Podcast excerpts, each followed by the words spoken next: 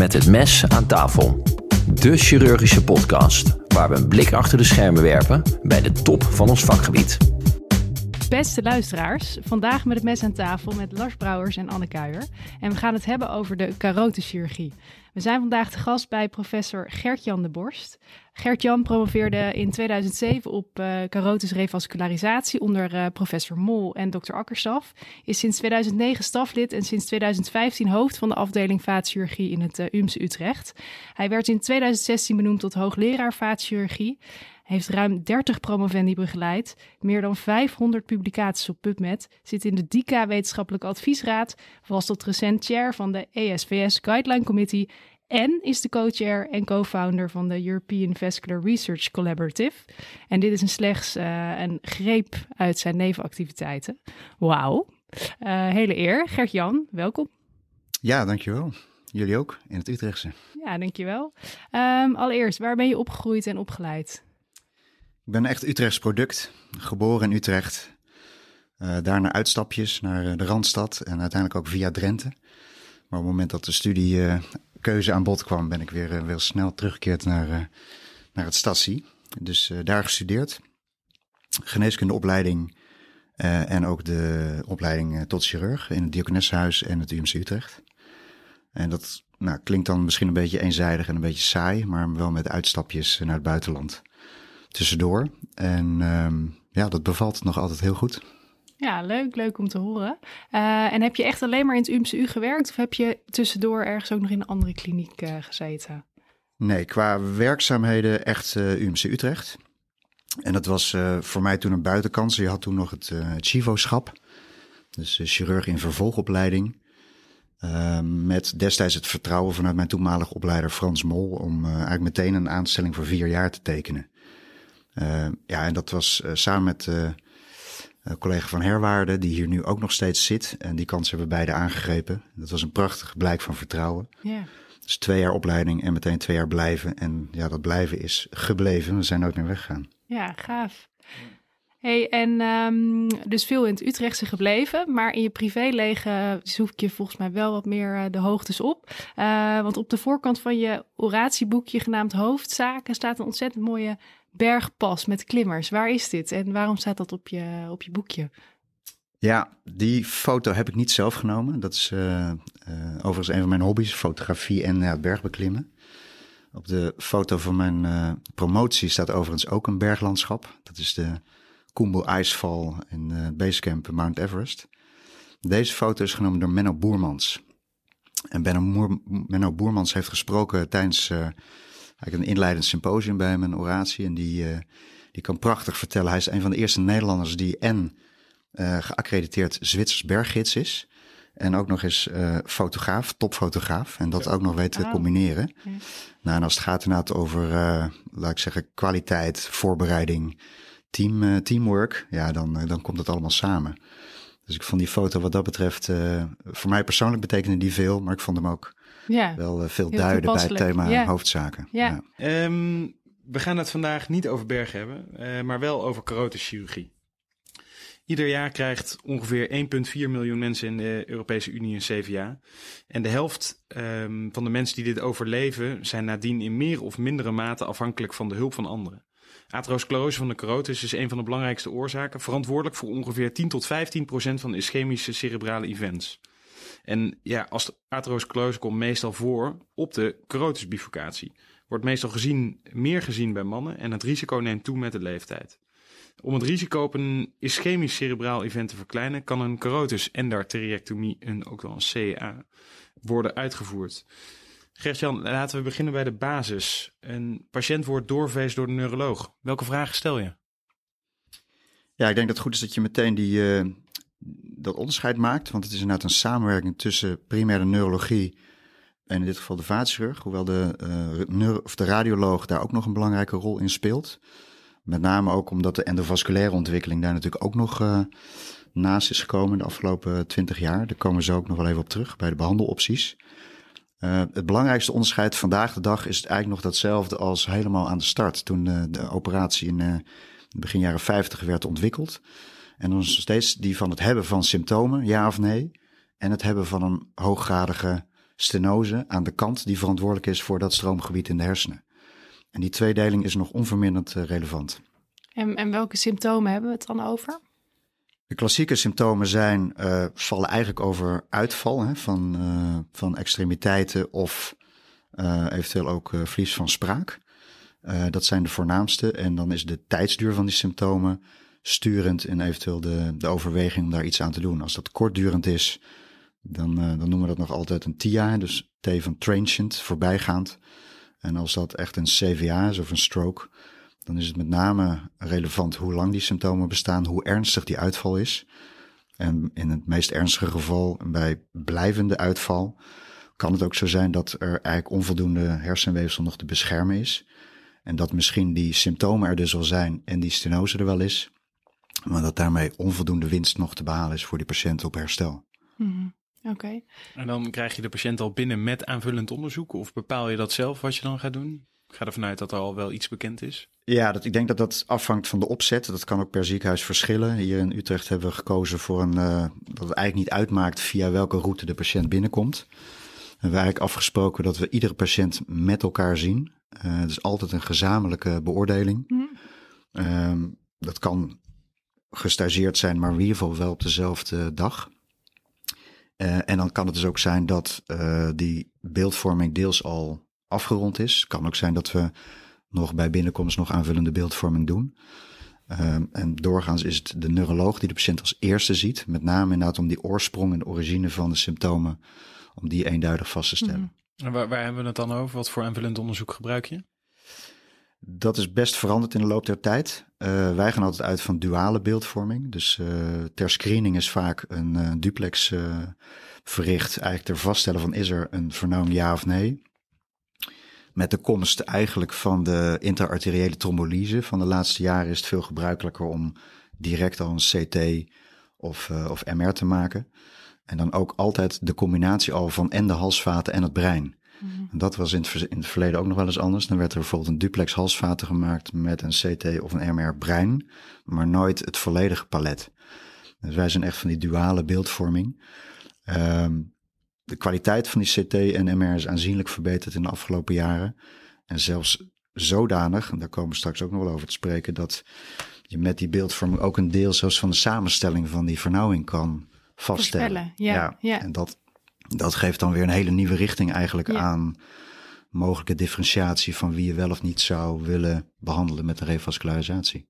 En, en wat is dan de reden dat jullie voor duale beeldvorming gaan? Want uh, ergens denk ik van als je een CTA hebt met een stenose, waarom hebben we dan nog die duplex nodig? Nee, dat is een terechte vraag. Uh, dat kan je vaststellen met elkaar, met name omdat er soms toch nog discrepantie is. En dat heeft te maken met bijvoorbeeld in het geval van de CTA, dat die hinder kan hebben van extreme calcificaties. Dus als het een sterk verkalkte plak is, kan die CT enorm overschatting geven van de mate van vernauwing.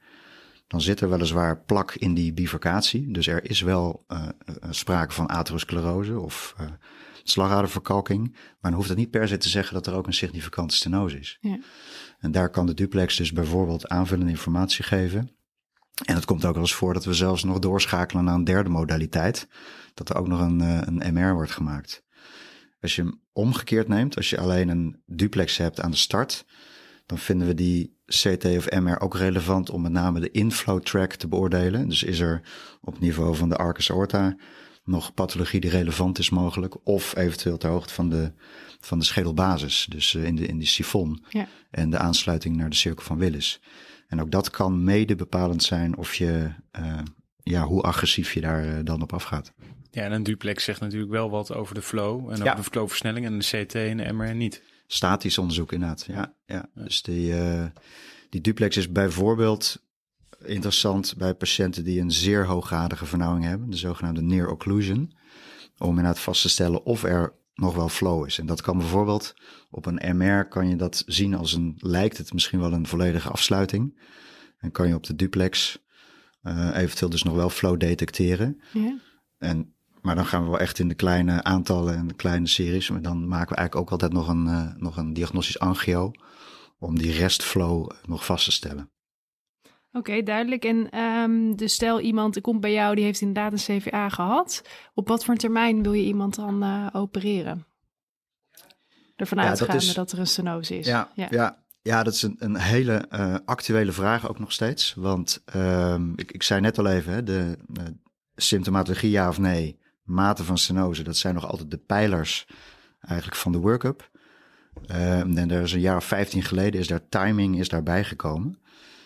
Ehm, en waar lag dat nou aan? Dat was met name de gedachte in de jaren 80 en 90, ook bij het uitvoeren van de grote gerandomiseerde studies die de meerwaarde van carotis endarterectomie ten opzichte van de toenmalige best medical treatment eh, eh, aantoonde, dat het eigenlijk meest verstandig was om die operatie misschien wel een tijdje uit te stellen. Hm. Laat die patiënt eerst maar eh, neurologisch bijkomen, herstellen, omdat het risico op een eventuele operatieve complicatie relatief hoog zou zijn in die vroege fase. Mhm. Dat zie je dan ook terug in die trials, want de gemiddelde wachttijd tussen randomisatie en uiteindelijke interventie was wel 60 dagen. Jeetje, ja. Nou, daar zijn we eigenlijk heel erg van teruggekomen, met name overigens door data vanuit de neurologie. Eh, die lieten zien dat het risico op een recidief-infarct het allerhoogst is in de eerste dagen en met name de eerste twee weken na het allereerste event. Dus dat is eigenlijk je, ja, je golden eh, eh, period om eh, een meest ernstig event eh, definitief te voorkomen. En wat voor percentage hebben we het dan over?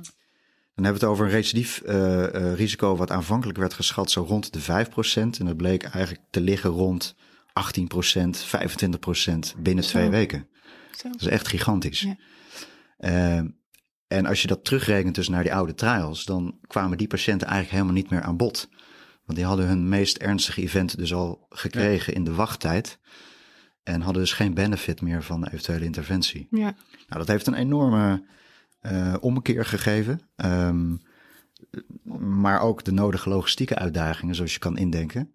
Wat daar eigenlijk uitkomt, is dat we met name in Nederland, en daar heeft de, de, de, de DICA, of in dit geval de, de, de DACI, dus de, de Dutch ehm, eh, Audit for, eh, for Carotid Interventions, heeft daar eigenlijk een heel mooie rapportage van eh, laten zien. Dat we eigenlijk in staat zijn inderdaad om die, die periode relatief heel kort te houden in Nederland. Dus die, die workup en die diagnostiek, dat werkt gewoon. We krijgen ze relatief snel gediagnosticeerd. En diegene waarvan we vinden dat die ook een operatie moeten krijgen, die krijgen we ook relatief eh, vlot eh, behandeld. Eh, en wat we ook hebben laten zien, is dat die behandeling dan ook eigenlijk heel veilig is. Hm. Dus de, de uitkomsten van perioperatieve complicaties, die zijn met de jaren waar we even vrezen dat ze hoog zouden worden in die hoogrisicoperiode, eigenlijk alleen maar lager geworden. Niet alleen maar natuurlijk omdat we zijn gaan versnellen, eigenlijk desondanks, maar door een aantal andere maatregelen waar we zo ook nog wel wat, wat Ja. dieper op in kunnen gaan. Uh, maar dat heeft dus eigenlijk de vaartzorg heel erg gerustgesteld. Dus waar voorheen dat risico bestond, althans dat dachten we, dat, dat, dat, dat die periode te risicovol zou zijn om te interveneren, is eigenlijk gebleken dat dat uitstekend kan.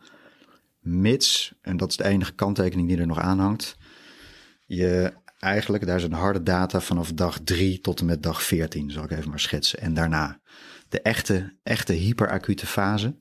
Dus de patiënten die een... Dag uh, 1 tot 3. Dag ja. 1 tot 3, zeg maar, eerste 48 uur. Dat is echt nog een, nog een vraagstelling en die staat nu ook open, met name bij patiënten die bijvoorbeeld die interarteriële trombolyse hebben gehad. Want Ja. die zijn heel vroeg in beeld. Ja. Uh, helemaal opgewerkt al, want we hebben alle beeldvorming en alles al voorhanden. Ja. En daar lijkt het tijdswindow inderdaad in die hyperacute fase toch risicovol te zijn, met name op de ontwikkeling van een hyperperfusiesyndroom, zodat er eigenlijk te veel druk uh, komt te staan op dat geïnfarceerde gebied. Door de trombolyse, omdat dan in één keer alle snelwegen openstaan? Ja, ja, dan is er een relatief groot beschadigd gebied in, het, uh, in, het, in, de, in de hersenen. En als je daar dan vol de kraan weer op uh, openzet, of heel erg gaat schommelen qua druk, hè, dus toch weer klem erop, klem af, die variatie, dat dat dusdanig belastend is, dat je dat mogelijk zou bewust ja. dus iets zou moeten uitstellen voor een optimale uh, benefit en ratio in je, in je natuurlijk beloop versus uh, behandelingswinst. Dat, dat gaat nu uitgezocht worden uh, in, in, het zogenaamde Benefit-programma, dus het Benelux-programma tussen, tussen Nederland en, en, en België. Ja. En, en als we dan nog even teruggaan naar dag 3 tot en met 14, wat is dan Ja. het perioperatieve risico op het lopen van een CVA? Ja, dat doen we in Nederland eigenlijk heel netjes. Dat, dat zit zo'n beetje rond de 2,5 procent. Uh, en moet je indenken, dat is dan eigenlijk bij voornamelijk symptomatische patiënten. Hm. En nou, de richtlijn uh, die stelt eigenlijk, hè, zolang je bij je symptomatische patiënten onder de 6% zit, dan heb je daarmee een winst ja. in het totale, hè, voor de totale populatie in het voorkomen van een herseninfarct. Voor asymptomatische patiënten is dat percentage op 3% gezet. En eigenlijk zitten we dus in Nederland met onze uitkomsten bij symptomatische, voornamelijk symptomatische patiënten, zitten we eigenlijk al onder die, die threshold eh, van de asymptomaten. Dus dat doen we echt, eh, dat doen we gewoon goed. Ja. En zie je daar nou nog variatie in tussen klinieken? Of? Er zit enige variatie in, maar, maar eigenlijk nergens waar dat, uh, waar dat eruit springt. Uh, en dat brengt meteen een andere leuke discussie. Uh, centralisatie. ja. Centralisatie of ja, waar dient dan eigenlijk die hele DAKI nog voor? voor. Want als we het met z'n allen kennelijk al goed op de kaart hebben. Ja. Um, een paarse krokodil die we niet meer hoeven te registreren. Daar lijkt het op. Daar lijkt het okay, op. We doen het, we doen het gewoon goed. Aan de andere kant brengt het een stuk transparantie. En ik denk dat we dat uh, als, als eh, chirurg en vaatchirurg in dit geval heel goed doen. Ja. Uh, ja. ja, we gaan het straks ook nog even hebben over de, de toekomst van de vaatchirurgie en de carotenchirurgie. Ja. En ik denk dat centralisatie daar nog wel even aan bod komt ook. Um, als we nog heel veel weer teruggaan naar de basis. We hebben het al een beetje gehad over de risico's, namelijk het ontwikkelen van een CVA tijdens de procedure. wat vertel je een patiënt nog meer aan de risico's? Nou, dat eerste wat je noemt is het allerbelangrijkste. Dus we zeggen inderdaad, eigenlijk datgene wat we willen voorkomen met de ingreep, dat is ook tegelijkertijd je hoogste risico, dat dat juist gebeurt. Um, we vertellen daar ook bij dat we dat met behulp van de monitoringstechnieken gedurende ingreep eigenlijk tegenwoordig goed onder controle kunnen, kunnen krijgen. Dus dat betekent dat tijdens de operatie het aantal events virtueel ook bijna naar nul is gegaan. Maar dat je in de uren na de ingreep, en eigenlijk de eerste 48 uur daarna, nog een risico hebt van rond die 2,5, 3 procent. En dat zit hem dan inderdaad toch in of tromboembolisatie of uh, hyperperfusie. Ja, ja. hyperperfusiesyndroom. Ja. En daarnaast leggen we uit, en dat, dat komt dan met name toch wel in de, in de case mix die wij hier zien, uh, uh, met name bij patiënten met een contralaterale occlusie, iets hoger risico op noodzaak op uh, shuntbehoefte. Nou, daar kun je, dat is niet per se een complicatie, maar dat maakt de opera operatie iets potentieel iets uitdagender. En heeft mogelijk ook een effect op, uh, op de ratio van, uh, van zenuwletsel. En dit zenuwletsel beschrijven we altijd dat dat vrijwel altijd van voorbijgaande aard is. En in grofweg 1% uh, eh, van de ingrepen een vorm van blijvende letsel kan opleveren. Mhm. En dan hebben we het over neurapaxie van de nervus hypoglossus. Die met name, maar het kan ook een, een nervus facialis stak zijn of uh, het kan diverse. Dat, dat, we zijn daar niet toe verplicht natuurlijk om dat helemaal officieel volgens de wet om dat helemaal uit te splitsen. Maar, maar, je vertel dat eigenlijk altijd wel. Ja. Um, en dan uh, als we het ook nog even hebben over bloedverdunners. Want al die mensen hebben natuurlijk net een ischemisch event gehad. Ja. Um, die zijn vaak met dubbele plaatjesremmers uh, opgeladen al, denk ik. Um, wat doe je daarmee? Je opereert gewoon onder dubbele blaadjesschemmers? Ja, dat doen we inderdaad. En uh, dat hebben we net ook binnen de data van de DACI bekeken. Uh, er zit heel veel variatie in wereldwijd. Um, er zijn, uh, ik weet in de, in de, in de UK, daar weigeren de vaatchirurg om te opereren uh, onder duaal. Hmm. Um, dus die stoppen dan de clopidogrel en wachten dan nog een paar dagen. Dan heb je eigenlijk je delay meteen al te pakken. Dus ik ik vind dat om meerdere redenen een eh, beleid wat denk ik geen, geen hout snijdt. Dat hebben ze ook niet, niet uitgezocht. Dus dat is echt een, eh, een gevoelskwestie. Mm. Uh, wij hebben eigenlijk naar twee dingen gekeken. Enerzijds uh, maakt het de operateur lastiger en uitdagender en levert het meer uh, bloedingscomplicatie op. Blijkt niet zo te zijn. Uh, en anderzijds, maar dan ga je dus eigenlijk meer naar een historisch cohort kijken. Als je naar monotherapie kijkt, zou het dan kunnen zijn dat in die wachttijd relatief meer events zijn uh, op het moment dat je mhm. alleen monotherapie hanteert? Dat is een hele lastige vraag, want alle trials die ertoe hebben geleid dat de neurologen dit beleid hebben geïnitieerd, dat was in, in trials waar geen interventies werden verricht, opvallend genoeg. Mhm. Dus dat zeg maar die 85% van de TIA's en strokes die niet aan een interventie toekwamen. Dus eigenlijk is er geen level 1 evidence oh ja over het nut en de veiligheid van duaal plaatjesremmingtherapie bij patiënten met een hooggradige grootenstenose. Hm. Ehm, dus die, die studie is nog wel onderweg. Die wil men nog wel gaan doen. Ik vraag me af in hoeverre dat iets gaat veranderen aan de, aan de klinische praktijk. Want ik denk dat het inderdaad wel degelijk hard aangetoond is dat die duale therapie met name dat natuurlijk beloop gunstig beïnvloedt. En met name die events in de wachttijd voorkomt. Ja. Ehm, en als dat dan tijdens de ingreep en met name in de dagen daarna, ook rondom die eventuele hyperperfusie, niet veel meer bloedingscomplicaties in het wondgebied uh, oplevert.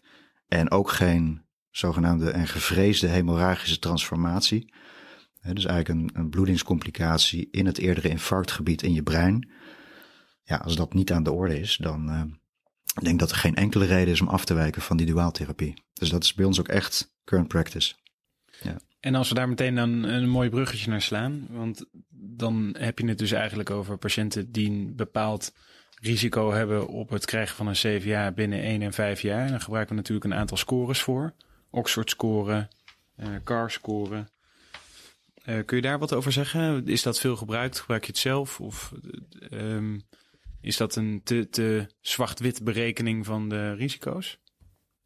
Uh, om dan met dat laatste te beginnen, uh, ja, het is een te zwart-wit uh, benadering. Het is een poging geweest eigenlijk om, om ons te ontworstelen aan die klassieke duale benadering van die ja of nee symptomen en die stenosegraad, waarbij timing dus eigenlijk bij is gekomen. Dus dat zijn nu nog altijd de drie belangrijkste parameters.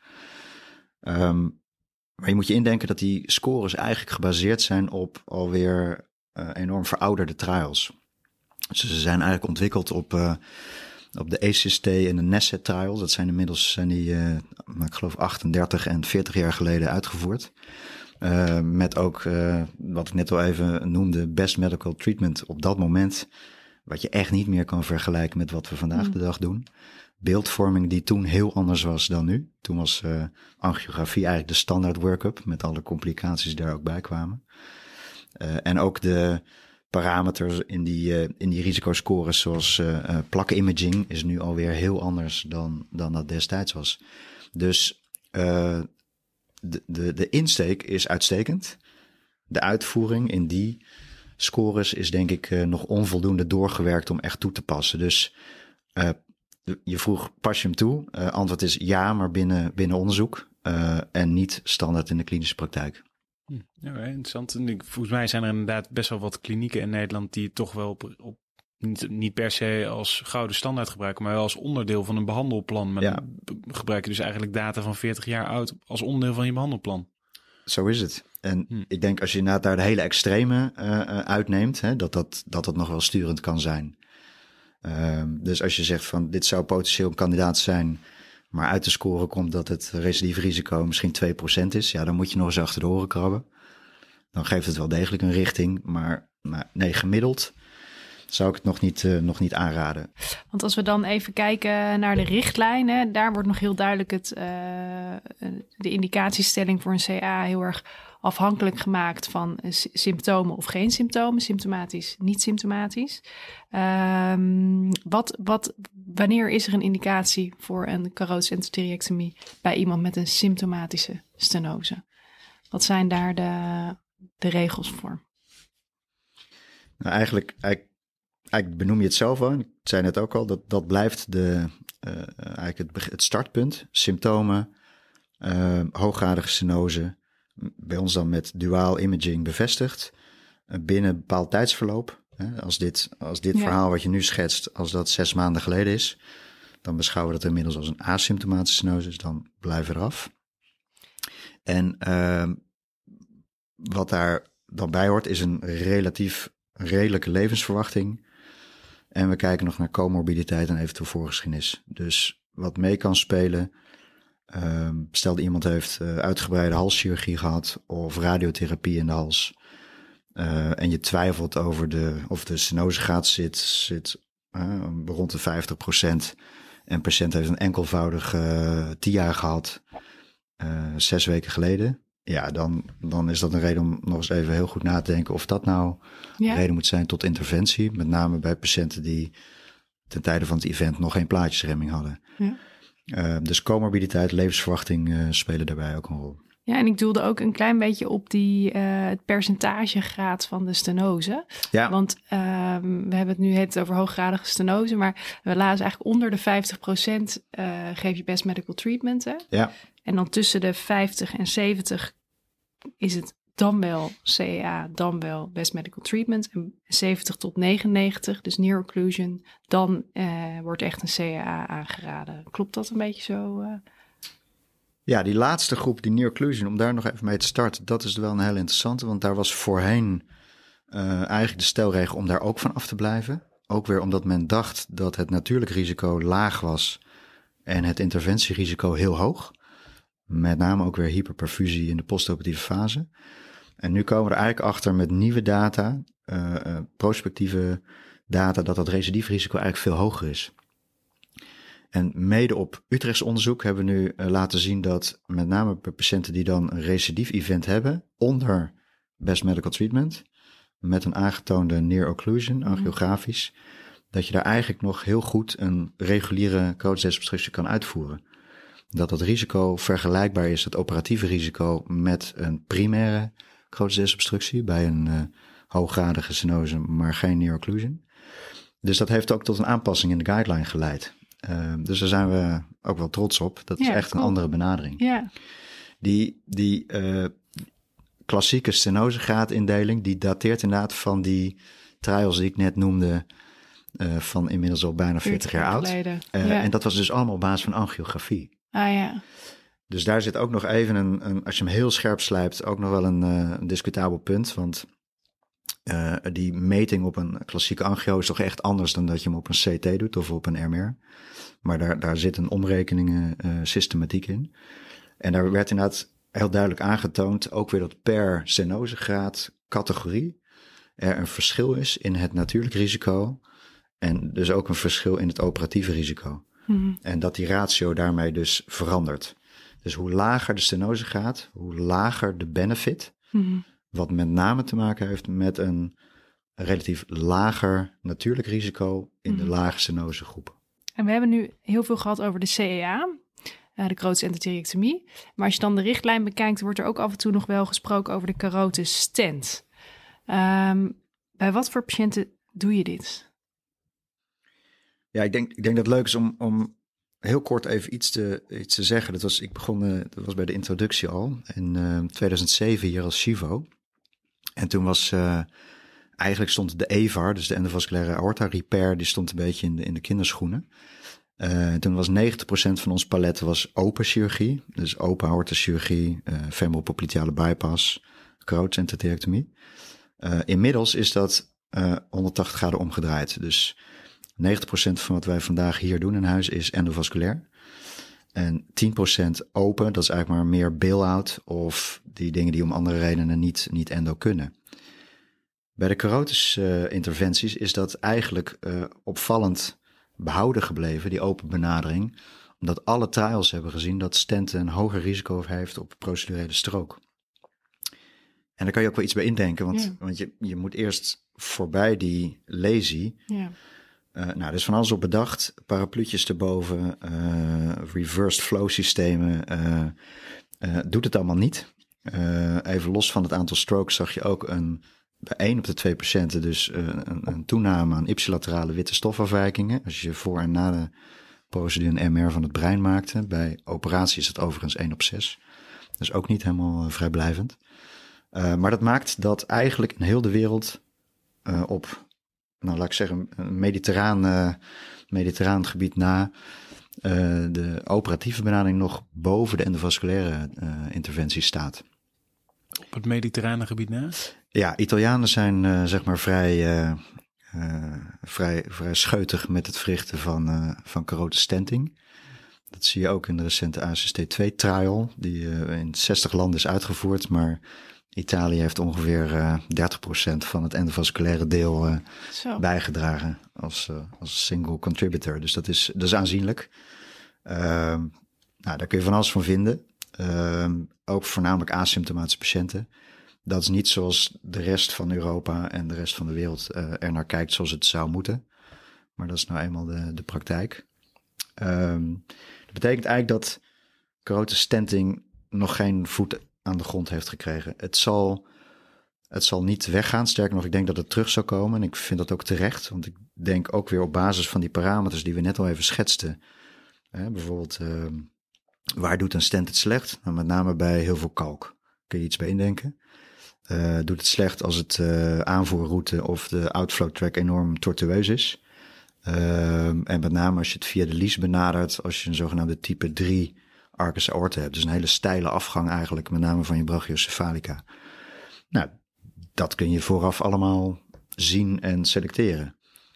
Dus als je nou diegene neemt die dat niet hebben en een normaal risicoprofiel en een, uh, een, een, een, plak waarvan je denkt die heeft een laag risico op tromboembolisatie van passeren, daar hebben we ook al ideeën over.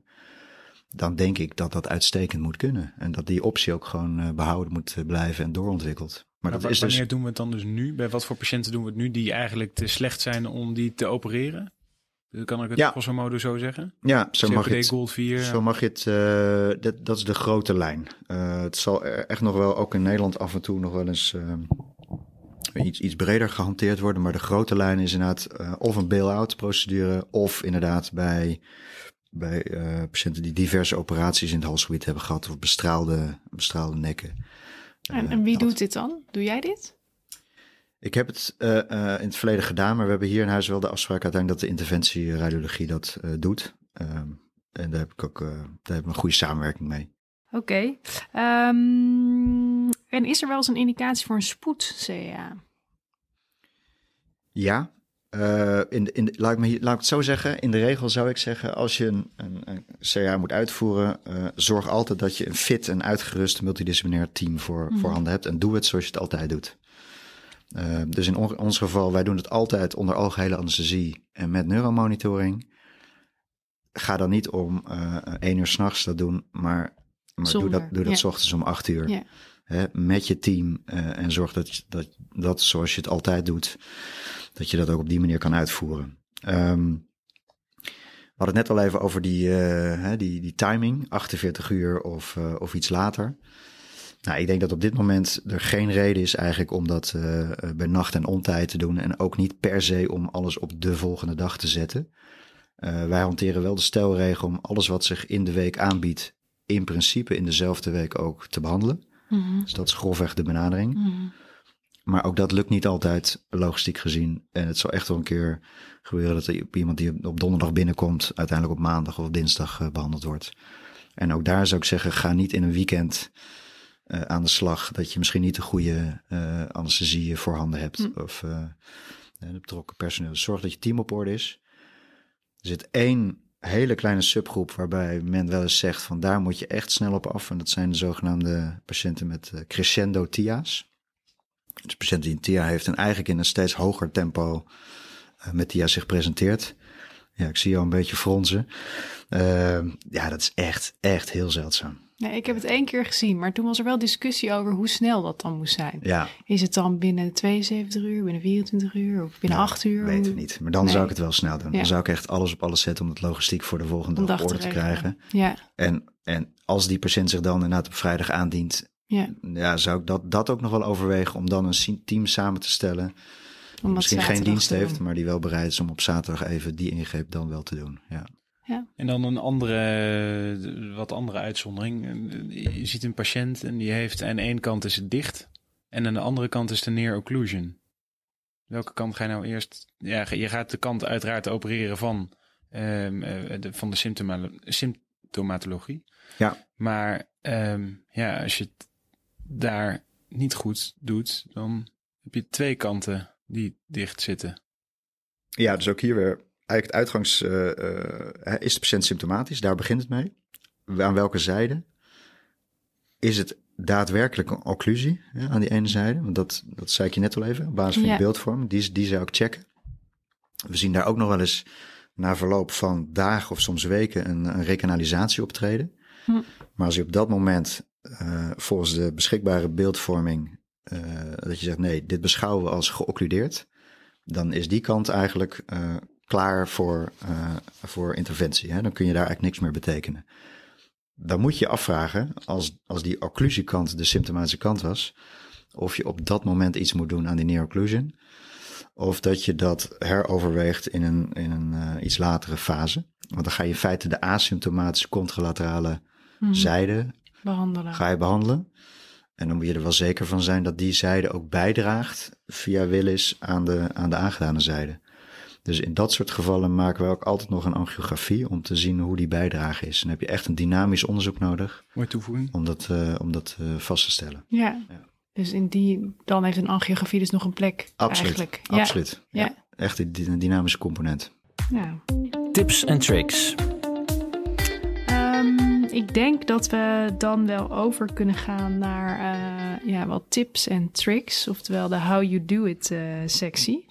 Ehm, als we de indicatie gesteld hebben, dan is de vraag van hoe voer jij de operatie dan uit? Ehm, we hebben het al heel eventjes kort gehad over de anatomie, de structuren die we tegenkomen, de hypoglossus, de antecervicalis, de vagus, de carotis. Ehm, dan hebben we ze wel gehad, toch? De dingen die we niet door moeten nemen tijdens de operatie. Of zijn er nog andere dingen waar je heel goed op moet letten? Ja, dat is een beetje je, golden triangle, hè? dus je, je landmarks. Uh, het is overigens niet zo dat we altijd de hypoglossus opzoeken. Hè? Als je, en dat je daar waar je moet zijn, als je dat goed kan overzien. Uh, het enige waar je even rekening moet houden is bij het plaatsen van spreiders of, of haakjes om je, om je gebied te presenteren. Dat je die niet uh, zodanig zet dat je daarmee je, je zenuw kan lederen. Maar dat zijn inderdaad de belangrijkste, belangrijkste kenmerken. Ja, en een aantal venen ontwijken. Ja, ja. Doornemen, facialis. Ja, dat is altijd. Hè, is het nou een, uh, doe je alleen een, uh, een doorstekingsligatuur of alleen een, uh, een, touwtje eromheen? Dat is, ja. ja. dat is een leuke voor degene die hem als eerste uitvoert. Ja. Precies, en je krijgt vanaf een van beide krijg je spijt. Uh, en je zei al eventjes, jij doet het al, jullie doen het hier altijd onder algehele anesthesie. Uh, ja. Vond het grappig, want we hadden laatst een gast uit een ander land en die vertelde inderdaad dat ze daar eigenlijk altijd onder lokale anesthesie uh, opereren. Ehm, wat is de reden om het hier altijd onder algeheel te doen? Eenduidigheid in beleid. Ja. Dat is eigenlijk de voornaamste. En inderdaad een opleidingscultuur. Ik denk dat het iets makkelijker opleidt onder algeheel. Ja. Um, en daarnaast zijn er ook eigenlijk geen echte voordelen voor het opereren onder lokaal anesthesie. Dat is ook een belangrijk argument. Hoewel je kan zeggen dat bijvoorbeeld de vaststelling of iemand een shunt nodig heeft, een shuntbehoefte, uh, dat kun je natuurlijk beter doen onder lokaal. Uh, levert ook veruit de laagste shunt rate op. Dus als je uh, bepaalt wie iemand een shunt nodig hebt, kun je dat op verschillende uh, manieren doen. Of je shunt standaard, dat kan ook. Er zijn ook ziekenhuizen in Nederland die dat standaard doen is een benadering. Uh, je kan het doen onder lokaal. Dan is het echt op, uh, op symptomatologie en de, de, de patiënt. Met een bad eend en dan? Ja, ik wil ja het zeggen. de eend. De eend ja. Luisteraars ja, het niet, maar er wordt hier gesnepen. Ja, ja, ja. Uh, je kan het doen met, met, met backbleeding. Dat is, ook nog, dat is ook nog wel gedaan. Dan kom je al, ga je eigenlijk al bijna, bijna een verdubbeling van je shunt rate. Dus lokaal is ongeveer 10 tot 15 procent. Met, uh, met de backbleeding is dat zo'n beetje rond de 30, 40 procent. En met de neuromonitoring die wij doen, dus met een elektroencefalogram en een transcraniële doppler, ja, dan zit je zo'n beetje tussen de 10, 20 procent. Ja, dus daar zit een variatie in. Het is allemaal niet verkeerd, maar mijn insteek is dat je het altijd allemaal op dezelfde manier doet. Mm -hmm. in, in dat ziekenhuis waar, waar je werkt. Um, en dat is een keuze die je met elkaar afspreekt. Je hebt wel een groter team nodig, neem ik aan, als je het onder algeheel doet met een KNF-team erbij en uh, ja. alles op en raan in plaats van lokaal met een badeend. Absoluut waar. Um, waarbij je rekening moet houden dat ook in de trials die er nou gedaan zijn, of naar, naar lokaal anesthesie, niet, niet de cohort-studies, maar echt de trials, dat er wel een conversierate was van zelfs 1, 1 op 6. Hm. Dus het is niet zo dat je geen anesthesist in de buurt uh, uh, moet hebben. Uh, en als je dan geen KNF hebt, dan zou je dus in die cases in ieder geval uh, standaard moeten shunten. Uh, dus nou ja, vanuit die optiek hadden wij, wij de insteek had gehad, doe het onder, onder algeheel. en er is nog wel een klein voordeel dat het ook qua hemodynamiek ook wel iets makkelijker bij te sturen is als het onder algeheel is. Ja, want um, hier doen we hè, dus een TCD-meting en een EEG. Hè? En TCD staat voor transcraniële doppler. Um, wat doe je nou als er geen venster is? Vaar je dan alleen op je EEG? Ja, ja. doen we wel dat EEG.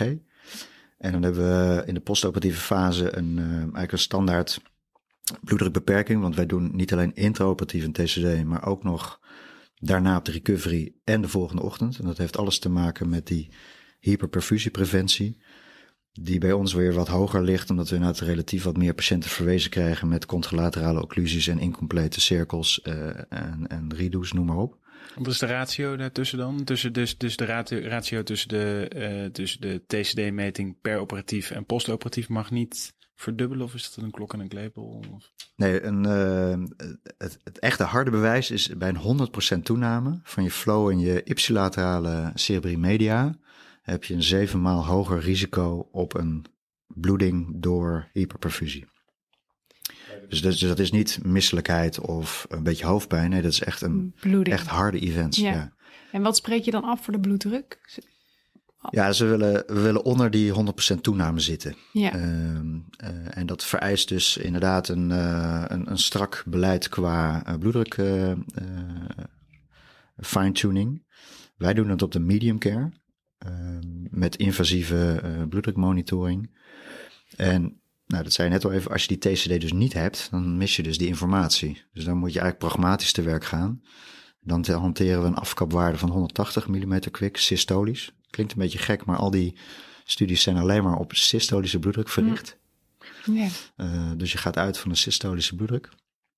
En al het andere ga je dus eigenlijk met je TCD een beetje kijken bij welke, bij welke bloeddruk zie je nou ongeveer dat omslagpunt liggen. Dus om een, om een praktisch voorbeeld te geven, als wij iemand hebben met een postoperatieve bloeddruk van 150 over 80 en die heeft dan een, uh, een 90% toename, nou dan wil je die bloeddruk, dan zit hij eigenlijk een beetje in de risicozone. Dan zeggen we nou vooralsnog ga even in ieder geval onder 140 mm kwik zitten. Ja. ja. Uh, en dan weet je ook dat op een dan gaat het er niet om dat iemand niet heel even daarboven, dan gaat het echt om dat je niet urenlang, dagenlang boven die afkapwaarde zit. Ja, duidelijk. En als we het dan toch even over dat hyperperfusiesyndroom hebben. Je haalde het net al heel kort aan, maar hoofdpijn is vaak een eerste um, uiting daarvan. Hè? Dus dan moet je daar echt beducht op zijn. Zijn er nog meer dingen waar je op moet letten? Nou, het kan zelfs ook tot, tot, tot tijdelijke uitval uh, leiden. Ja. Dus, uh, dus wat doe je dan? Uh, het enige wat je adequaat kan doen is je bloeddruk zo snel mogelijk omlaag. Ja. ja, agressief omlaag. Agressief omlaag. Ja. En bij de, als je dus inderdaad geen vensters hebt, uh, maar wel die symptomatologie van die hoofdpijn, dan, uh, dan is het eigenlijk titreren van de bloeddruk zodanig verlagen totdat die bloeddruk weg is. Ja. En andersom, en dat, dat is denk ik ook wel een hele relevante, als je dus met je, en dat is ook echt de kracht van die TCD, die heeft een, heeft een bijna 100% um, voorspellende negatieve waarde. Dus als je laat zien dat er geen hyperperfusie is op basis van je TCD, dan kan je in die postoperatieve fase best iemand met 180 en een beetje hoofdpijn, daar gaat dus een paracetamol in. Ja. Dan is het echt symptoombestrijding, maar dan weet je in ieder geval dat dat geen hyperperfusie is. Ja. Dus dat, dat, dat levert je in ieder geval dus de meerkosten van je KNF-afdeling. Het levert ook weer een relatieve, als je er op die manier naar kijkt in ieder geval, levert het een besparing op van je uh, gebruik van intensive care of medium care. En als we dan uh, starten met de operatie en we zetten het mes erin, Um, in de lengte of in de breedte? We moeten het uit de lengte hebben hier. Dat is mijn, is mijn uh, benadering. Dan kan je eigenlijk alle kanten op. Okay. Ja, ja. Maar aan zich, er zijn natuurlijk verschillende nee, scholen in Nederland. hetzelfde verhaal. Er zijn mensen die nog even met de echo kijken. Waar zit je bifurcatie? En, daar, daar, en dan kan een transfers of een, een hockeystick-achtige benadering. Het, het kan allemaal. Ook daar is geen goed of fout. Uh, let inderdaad even op je, op je huidincisie. En, en, en ik zou hem niet helemaal doortrekken naar je oorlel. Um, en uh, patch of geen patch? Ja, dat is, uh, uh, het is in ieder geval, als je tussen die twee moet kiezen, is het patch. Um, maar eigenlijk is het iets genuanceerder. Het is patch of selectief patch. maar in ieder geval niet de nooit patch benadering. Oké, ja. en als we dan zeggen selectief patch, ja. wanneer dan geen patch? bij sommige mannen. En dat heeft alles te maken met je diameters. Dit, het is nog, denk ik nog steeds een. Uh, nou, althans, ik denk niet dat iedereen zich realiseert. Die patch die doet eigenlijk niet zozeer iets op, je, op het risico voor een herseninfarct. Die is echt bedoeld om racestenose te voorkomen. En dan heeft racestenose wel weer een geassocieerd iets hoger risico op het krijgen van een toekomstig herseninfarct. Maar het primaire doel is om je roods open uh, en doorgankelijk te houden. Maar geen inversietechniek dus? Nou, inversie is, uh, is ook zeker een alternatief. maar heeft wel weer potentiële nadelen, met name bij wat langere plaks of bij dat noem je dan niet echt een tandemlaser, maar je kent allemaal wel een beetje zo'n plak die dan bijna weer lijkt te eindigen, maar dan nog net weer even een doorstart maakt. Dat zijn lastiger plaks om met eversie potentieel te verwijderen, omdat die op dat punt kunnen scheuren en dan blijft dus een rest hogerop zitten. Maar ik denk dat eversie met name voor de relatief korte, echte origo steno's een uitstekende techniek is. Misschien, hm. wel, misschien wel de beste techniek. Hm. Uh, tenzij iemand uh, shuntafhankelijk is, dan kan het ook wel weer wat uitdagingen leveren. Dus er zijn ook ziekenhuizen die doen eerst een proef uh, occlusie met klemmen. En op het moment dat de bewakingsapparatuur laat zien, of onder lokaal de eend, uh, niet geknepen wordt, uh, dat je door kan, dan doorzetten met de eversie bij een kort letsel. En in alle andere gevallen, bij of shuntafhankelijkheid of bij een wat langer gerekt uh, lezen, dat je dan een, een lengte, lengtebenadering doet. Oké. Kan allebei. En heel even kort, wat is die eversietechniek precies? Wat doe je dan? Ja, wat daar echt essentieel anders is, is bij de uh, longitudinale benadering arteriotomie, dan maak je dus in één richting lengte open en pel je de uh, plak er eigenlijk uit hè, met een spatel. Maar je, je oorspronkelijke bifurcatie blijft intact. Bij een inversie snij je eigenlijk de interna los van de bifurcatie op het niveau van de origo van de interna. Dus je hebt echt, de interne is dan even helemaal los en je kijkt als het ware en in de origo van de interne en aan de andere kant in de bifurcatie. Um, en dan um, doe je op dat moment eigenlijk de echte eversie van je interne. Dus die schuif je als het ware binnenste buiten, waardoor die plak naar buiten schuift. En hoop je op een natuurlijke transitiezone naar de gezonde intima. Dat hij daar, uh, dat hij daar weer afscheurt. Ja. ja. En een ander punt wat daar dus bij komt, hè, dus of die lengte van die plak, of eventueel doorzetten van aanzienlijke plak in de bifurcatie. Want ook daar zul je dan nog vanaf moeten. Ja. En dat moet je dan eigenlijk een beetje ja, blind, uitlepelen. blind eruit lepelen. Ja. ja. Maar, nou ja, het Tilburgse vaart er wel bij. Uh, ik zeg niks. ken ze allemaal hoor. Ken ze. Maar heel, en heel praktisch, want je zet toch ook wel eens die plak dan nog vast met een paar uh, Kunningse hechtingjes, volgens mij heet dat. dat kan, ja. Maar dat kan bij zo'n ja. inversie wel ook. Dat je hem dan, als hij scheurt, dat je hem dan alsnog even vastzet? Of is dat...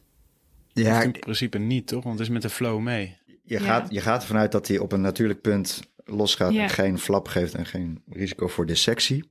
Er is wel een, uh, een grote groep uit, uh, uit München die eigenlijk ook voornamelijk eversie doet. En die, dat is wel interessant, en die zeggen dan, ja, ze hebben heel veel baat bij het verrichten van intraoperatieve controleangiografie.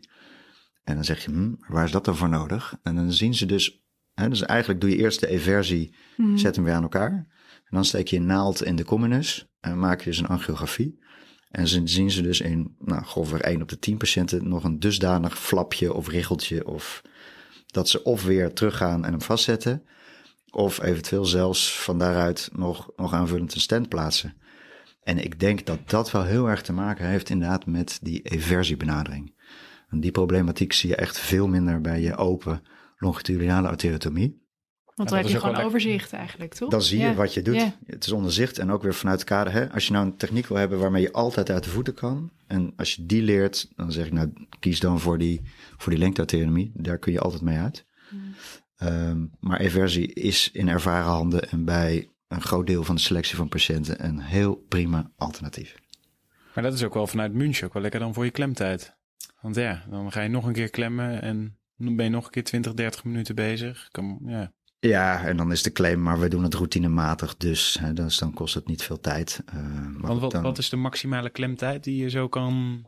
Er is geen maximale klemtijd, denk ik. Maar... Nee, klopt. Maar wat, wat, zou je, wat vind je zelf prettig om te hanteren? Of kun je dat niet zo zeggen? Nou, laat ik het anders zeggen. Ik, denk, ik, ik, ik ben eigenlijk van mening dat een, een reguliere coachdesobstructie, een primaire, uh, dat dat eigenlijk uh, gewoon uh, tussen de vijf kwartier en anderhalf uur max moet duren. Uh, en dan zelfs ook in een opleidingssetting, daar, daar moet het uh, binnen kunnen.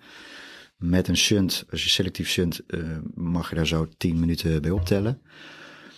en wat ik daarbij ook altijd hanteer, is dat ik altijd even, iedere keer weer dat dat gebeurt, even het hele team instrueer. Van jongens, wat zijn de stappen? Even theoretisch doornemen en dan concreet. Dus wie, wie haalt het klemmetje op? Wie, wie heeft de zuig in zijn handen? Nou, zo. Ja. Dus daar moet je gewoon ook even de tijd voor nemen. Dat doe ik ook heel bewust. Ja. Oké, en dan altijd een drain? Of nooit een drain? Ja, goed punt. Met die duaaltherapie waar we het al eerder even over hadden, is die discussie weer, uh, weer lekker opgeleid. Um, dat zit een beetje ingesleten in de, in de praktijk. Ik denk eerlijk gezegd dat die uh, niet heel veel toevoegt. We hebben hem uh, hier nog wel, hanteren hem wel, zeker met die duaaltherapie. Hij kan uitstekend werken, maar het is echt een verklikker. Het is niet, is niet een probleemoplosser. Dus um, de winst daarvan is denk ik marginaal, om heel eerlijk te zijn. Aan het eind van de ingreep de heparine couperen? Daar is een trial onderweg, want dat wordt inderdaad gesuggereerd dat dat uh, veilig kan. Hè? Uh, dus met name uh, wondgerelateerde of accessgerelateerde bloedingen voorkomt. Uh, en geen complicaties geeft interoperatief. Dus geen verhoogd risico op trombose van het operatiegebied geeft. Dus ja, die trial gaat eraan komen. Minder nabloedingen. Daar is het op gericht, ja. ja. Hey, en um, in je oratie spreek je er ook al een beetje over. Maar hoe ziet de opleiding tot vaatchirurg voor je volgens jou nou eigenlijk uit, idealiter? Um, ik ben er wel iets. ik heb dat iets aangepast in de loop der okay. tijd. Ja, ja. Kijk, we zijn een beetje een eenling in Nederland. Uh, want iedereen heeft een uh, zelfstandige opleiding. Dus buiten de algemene heelkunde om. Ik denk eerlijk gezegd dat, uh, dat wij in Nederland wel heel veel baat hebben bij het feit dat we één zijn. dus een, echt een common trunk hebben en een aansluiting nog hebben bij de algemene heelkunde. Ik denk dat we elkaar daarin versterken. Um, en daar speelt ook mee die transitie van open naar endovasculaire chirurgie. Dat is niet overal, maar op sommige plekken natuurlijk toch een strijd met de interventieradiologie. Ik denk ook dat dat doorgaans heel goed samen kan gaan. Dat die focusgebieden elkaar uh, uh, wel gaan ontlopen. En dat je elkaar daar waar nodig ook uh, samen kan acteren. maar dat, dat je toch een soort shift gaat zien van een doorontwikkeling van de interventieradiologie, met name richting de oncologie. En op het, dat op het vasculaire vlak, met name de vaatchirurg, daar toch de lead neemt. Dat is ook wel echt de, de, de inzet op dit moment vanuit de Nederlandse Vereniging voor Vaatchirurgie. Want je ziet eigenlijk dat we heel veel mensen opleiden en goed trainen in het endovasculaire vlak. Uh, maar dat op het moment dat die mensen ergens in de staf komen waar er nog niet zoveel ruimte is om zelfstandig dat endovasculaire deel ook uit te voeren, dat die ervaring natuurlijk ook heel snel weer weg hebt. Ja. Uh, dus daar zit denk ik de focus niet zozeer in de opleiding, want ik denk dat die al goed in elkaar steekt. Ik zou zeggen, blijf onderdeel van de algemene heelkunde met mogelijk wel een iets, iets eerdere uh, start hè, van, je, van je vasculaire blok. Maar blijf daar onderdeel van. Maar zorg met name aan het eind van de rit dat je uh, palet, wat je leert in je opleiding, dat je dat ook kan uitvoeren. Hmm. Ik denk dat je daar alles op alles moet zetten als, uh, als zittende vaatchirurg om dat stuk goed te borgen. Duidelijk. Alright. Um, en de toekomst dan, dat is natuurlijk een beetje een uh, advocaat van de duivel vraag. Toekomst alleen nog best medical treatment en stenten. Bestaat de CA dan nog als we toch echt betere stents kunnen gaan maken? CA zal minder gaan worden, daar ben ik van overtuigd. Ja, dus die best medical treatment, het is echt, uh, nou, dat, dat is unstoppable. Uh, en dat is ook uitstekend, hè, zoals ik al zei, het, dat geef je altijd.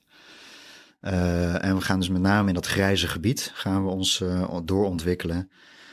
Van wanneer nou het een, wanneer het ander. En ik, ik voorspel dat nou, met, met vijf jaar is, schat ik, het aantal interventies met grofweg een vijfde verminderd.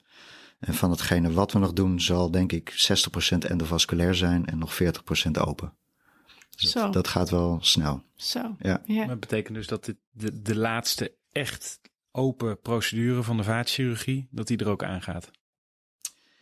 Uh, ja, zo kan je het zien. Ja, ja de pure laatste open procedure. Ja. Dus ook daar moeten we ons uh, op voorbereiden. zelf op voorbereiden, ja. scholen en. Uh... Ja. Quick for. We eindigen onze podcast altijd met wel een aantal vrolijke, vrolijke boodschappen. Vrolijkheid. Vrolijkheid, inderdaad. Um, de Quick Four. wat is je grootste passie buiten het ziekenhuis? Ja, fotografie en bergen. Ik noemde het al even. Dus de Menno Boermans uh, act, zou ik maar zeggen. Ja, ik vind het fantastisch. Dus, uh...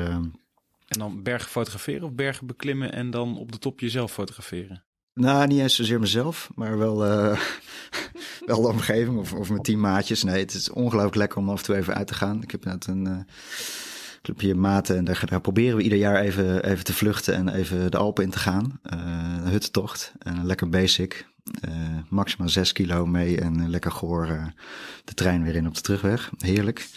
En, en die fotografie kan veel breder zijn. Ook fotoboeken, fototentoonstellingen in de breedte. Maar foto's van anderen dus. Ja. Ja. Leuk. Hey, en nou, misschien wel in het verlengde hiervan, dan wat zou je doen als je geen chirurg was geworden? Ja, ik, had het, ik zag het uh, natuurlijk in de voorbereiding voorbij komen. Ik had eigenlijk twee dingen opgeschreven. Ik, ik, ik heb ooit uh, een dagje in Delft meegelopen met mijn neef. En toen wilde ik uh, bouwkunde gaan doen. En het idee dat ik architect wilde worden. Maar dat is alweer een tijdje van de baan. Nou ja, als we het toch over Boermans hebben. Ik vind wat, wat hij heeft neergezet en die professionele carrière van je hobby je werk maken. ja, misschien een droom, maar wel super mooi wat hij heeft gerealiseerd. Dus architect op één, alpinist op twee. Cool. En welke tips zou je jezelf geven aan het begin van je eigen carrière of opleiding? Ja, iets minder kan ook wel.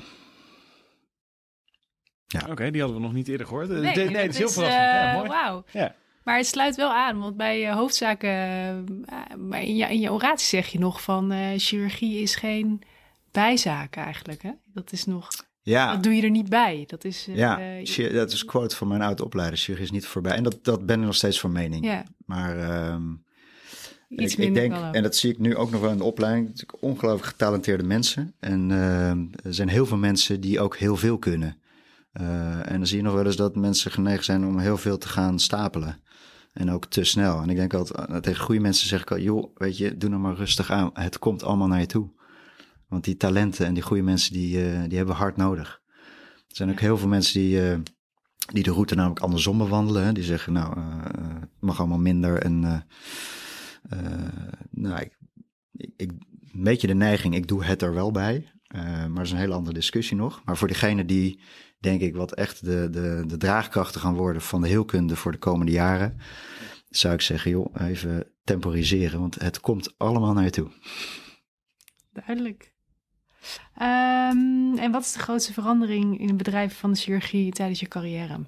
Ja, dat is absoluut beeldvorming, beeldvormende technieken. Hè, wat ik net al schetste, die hele endovasculaire ontwikkeling, die, uh, die had nooit plaats kunnen vinden zonder die doorontwikkeling van de beeldvorming. Uh, dus dat is, dat is hand in hand gegaan. En dat is nog steeds zo. Dus ook vandaag de dag met, uh, ja, nou zijn we ook bezig met, uh, met force techniek, dus fiber optic real shape uh, techniek. En dat is uh, geënt op minder röntgenstraling, met name 3D-visualisatie. Heeft ook weer alles te maken met pure beeldvormende technieken. Dus, dus daar zit niet alleen de ontwikkeling van het vak zelf, maar ook nog weer eens de doorontwikkeling binnen die, binnen die deelgebieden. Duivelse dilemma's. En dan als allerlaatste uh, de duivelse dilemma's. Uh, we leggen onze sprekers altijd een aantal duivelse dilemma's voor die je als het goed is nog niet hebt gezien. Oh ja, leuk. Um, ik had wel voor mezelf een paar bedacht. Maar oh, nou, daar ben ik ook benieuwd naar. Ik ben benieuwd. De eerste, de top van de Everest beklimmen of de K2? Everest. Ja, ja. Nee, dat vind ik toch wel, uh, dat is toch de, de classic. Uh, K2 is ook iets gevaarlijker. Ja, bereiken lukt nog wel, maar heel terugkomen, die kans is weer wat kleiner. Dus uh, in, in, de fase waarin ik nu zit, moet ik dat maar niet meer doen. Dan maar Everest. en um, peren met de heren of hardlopen? Ja, dan toch wel uh, één. Ja. En dan de volgende dag een stukje hardlopen. Nee, ik denk dat we hebben dat niet erg benoemd, maar um, uh, dat heeft alles met opleiding te maken of met hè, de ontwikkeling van nieuwe technieken, innovatieve weer. En, en ik zeg het ook altijd tegen de club hier, je moet successen moet je vieren. Je moet, je moet uh, uh, in alle frustratie over de ontwikkeling ook in ons vak om ons heen, je moet af en toe lekker, lekker gewoon een pot bier pakken met elkaar. Even alles van je afzetten. En, en die camaraderie, zoals we dat dan ook wel mogen noemen, die moeten we hoog houden. en nooit meer open of nooit meer endo? Uh, nou, nooit, nooit meer open zal niet lukken. Dus dan maar nooit meer endo. Dan maar nooit meer. Ja, ja, dat is wel echt een duivels dilemma. Nooit meer de berg in of nooit meer opereren? Oeh.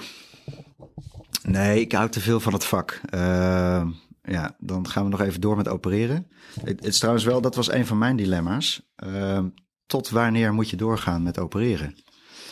Um, dat is natuurlijk ook toch een onbesproken uh, thema vaak, eh, terwijl we dat om ons heen wel zien gebeuren bij de ouder wordende collega. En dat heb ik in het verleden in mijn opleiding al, al wat van meegemaakt en, en zie je nu ook nog wel gebeuren. En dat, dat levert echt, echt ook tragiek op.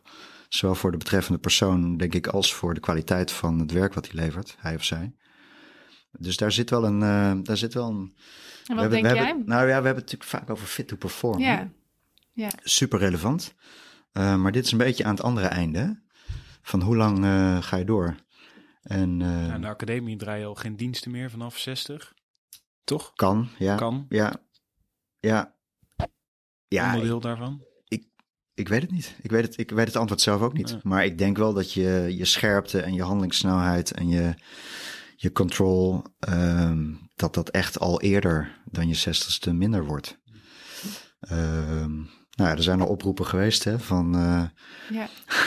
het opleidingskader, doe een ja. stapje opzij en uh, geef, geef ruimte. Nou, dat is echt geen gek idee. Alleen dat moet wel een hele open discussie zijn. En het moet niet gezien worden als falen of als. Hè, um, en, en natuurlijk zijn er mensen die, die veel langer mee kunnen. Uh, maar daar zit, wel een, daar zit wel een dilemma, vind ik. Ja, Mhm. mm. ja. Uh, en dan staat hier AIVS-borrel in New York of in de sneeuw? nee, New York. New York. Ja, New York is fantastisch. Wat even voor de luisteraar, wat is de EVS ook alweer? De EVS, ja, dat is eigenlijk een samensmelting tussen de uh, transatlantisch. Dus het zijn Amerikanen en Europeanen en die vinden het en mooi om te skiën. Die houden van het vak vaatchirurgie en die weten dat te combineren. Dus die gaan afwisselend in Europa en in de States een, uh, op een uh, A-locatie een beetje potje peren met de heren, maar dames zijn ook welkom. uh, en ook nog een beetje skiën en ook nog een beetje over het vak ouwe nou, Het gaat heel goed. mooi samen. Ja. Dat lijkt me een mooi einde. Um, Gert-Jan, uh, dank uh, voor deze mooie podcast over de carotis. Um, ik denk dat we in 2027, zoals ik het hoor, moeten terugkomen, omdat we dan gaan praten of er inderdaad daadwerkelijk een vijfde minder CEA's zijn verricht. Maar Um, zou jij misschien willen afsluiten met een meer positieve noot? Of heb je nog een, een take-home message voor de luisteraar? Nou, kijk, wat over hoofdzaken. Het is natuurlijk teleurstellend dat jullie met, dit, uh, met deze podcast nu pas bij het uh, gebied van de carotisinterventie aankomen. want het, hoofdzaken gaan toch altijd voor. Nee, ik denk dat uh, in de breedte waanzinnig mooi vak is. Ik zeg ook altijd, het moet in één keer goed. Uh, dat vind ik echt oprecht ook het, het mooie en het uitdagende van het vak. Um, heg je te strak dicht, dan, uh, dan zit het dicht. En uh, is het te losjes, dan gaat het bloeden. en dat vereist dag in dag uit de, de scherpte en de dedication. Um, ik denk dat dat gelukkig ook gaat blijven. Ook met de transitie naar het endovasculaire vlak.